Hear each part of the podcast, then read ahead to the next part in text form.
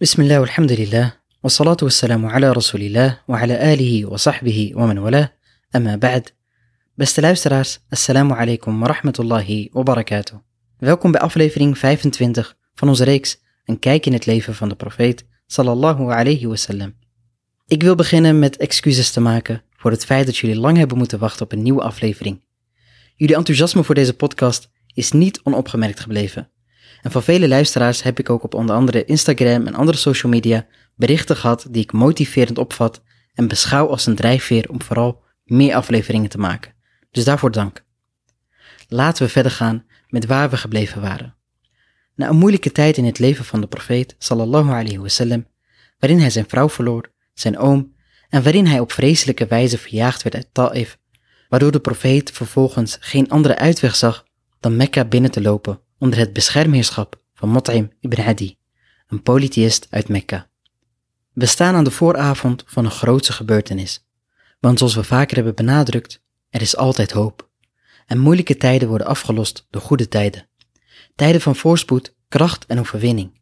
Momenten die zo wonderbaarlijk zijn dat ze voor sceptici moeilijk te bevatten zijn. En daarmee wellicht ook een beproeving zijn voor een ieder die zijn ratio boven het onvatbare vermogen en wijsheid van Allah subhanahu wa ta'ala plaatst. Want als gelovige komt de heilige openbaring op de eerste plek.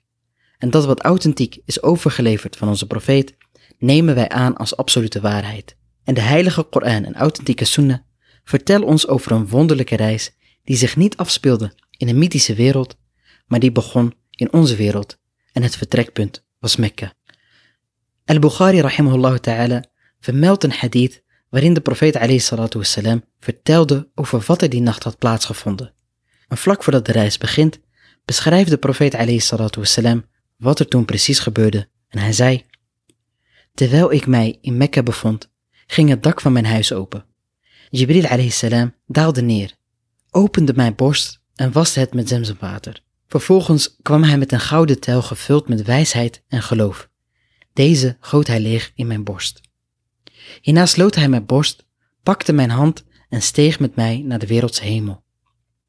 En zo werd de profeet wassalam voorbereid op deze geweldige reis. Deze hadith gaat uiteraard nog verder, maar deze vertelt ons niet wat er vlak voor de Mi'raj, de reis naar de hemel, gebeurde. Daarvoor gaan we naar de overlevering die vermeld wordt door imam Muslim in zijn Sahih. En waarin de profeet wassalam begint met het omschrijven van een wel heel bijzonder rijdier. De profeet wassalam zei, mij werd el borak gebracht. Een wit, lang dier, groter dan een ezel en kleiner dan een muilezel, die zijn hoef zo ver als zijn zicht kon plaatsen. Ik bereed hem tot ik aankwam bij Betel Maqdis. Ik bond hem vast aan een ring die door de profeten hiervoor werd gebruikt. Vervolgens betrad ik de moskee en bad daarin twee raka'at. Dit eerste deel van deze reis wordt de Isra genoemd. En dat is de nachtelijke reis van onze profeet salatu wassalam van Mekka naar Beit al-Maqdis. Allah subhanahu wa ta'ala heeft gezegd in de Koran سبحان الذي أسرى بعبده ليلا من المسجد الحرام إلى المسجد الأقصى الذي باركنا حوله لنريه من آياتنا إنه هو السميع البصير Verheerlijkt is hij die s'nachts zijn dienaar van Masjid al-Haram naar Masjid al-Aqsa heeft gebracht, waarvan wij de omgeving gezegend hebben opdat wij hem onze tekenen kunnen laten zien. Waarlijk, hij is de alhorende, de alziende. En zoals de profeet wassalam, ons dus heeft verteld, ging hij de moskee binnen en bad daar twee uit. Maar dat was niet het enige gebed dat hij daar deed. En de heilige moskee was niet het enige bijzondere wat hij daar zag. Binnen in de moskee begaf de profeet wassalam, zich in een heel bijzonder gezelschap. En zoals staat in hadith, vermeld door imam Muslim, zei de profeet wassalam, hier het volgende over. Ik bevond mij in een groep profeten toen ik opeens Musa salam zag, die staand aan het bidden was. Hij was een goed gebouwde man met gekruld haar, alsof hij een van de mannen van Sha'una was. Vervolgens zag ik Isa, de zoon van Maryam, die staand aan het bidden was. De persoon die het meest op hem lijkt is Urwa ibn Mas'ud al-Thaqafi. Vervolgens zag ik Ibrahim, die staand aan het bidden was. De persoon die het meest op hem lijkt, is jullie metgezel, waarmee de profeet wassalam, zichzelf bedoelde. Toen de tijd van het gebed aanbrak, leidde ik hen daarin.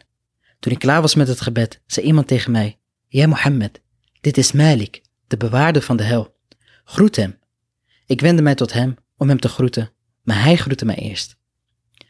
Beste luisteraars, laten we stilstaan bij dit prachtige en veelzeggende moment. Na alles wat de profeet wassalam, heeft meegemaakt, werd hij begunstigd met dit enorme wonder. De man die verlogend werd door zijn eigen volk, werd gevolgd in het gebed door de voorgaande profeten. Als hun leider ging hij hen voor. En het feit dat hij dat uitgerekend op die plek deed, geeft te kennen dat hij de profeet is die gevolgd dient te worden tot het laatste uur. En dat zijn religie en regelgeving alle voorgaande regelgeving heeft opgeheven. De boodschap van al deze profeten was dezelfde. Er is geen God die met recht aanbeden wordt behalve Allah. En verbaas je niet, beste luisteraar, over het feit dat de boodschapper van Allah, alayhi salatu wassalam, profeten voorging in het gebed die al lang overleden waren. Allah is in staat om te doen wat hij wilt. Het opwekken van onze zielen en lichamen is voor Allah subhanahu wa ta'ala nog makkelijker dan het scheppen ervan. En alles is voor Allah makkelijk. Wellicht heeft Allah subhanahu wa ta'ala de zielen van deze profeten doen laten verschijnen in de vorm van hun lichaam, zoals wordt gezegd door een aantal geleerden. En weet beste luisteraar, dat met de wil van Allah subhanahu wa ta'ala elk wonder mogelijk is. Want deze wonderlijke reis is nog maar net begonnen. Mogen Allah subhanahu wa ta'ala ons kennis en wijsheid schenken. Wa sallallahu wa sallam wa barak ala nabina Muhammad wa ala alihi wa sahbihi ajma'in. Bedankt voor het luisteren. Wassalamu alaikum wa rahmatullahi wa barakatuh.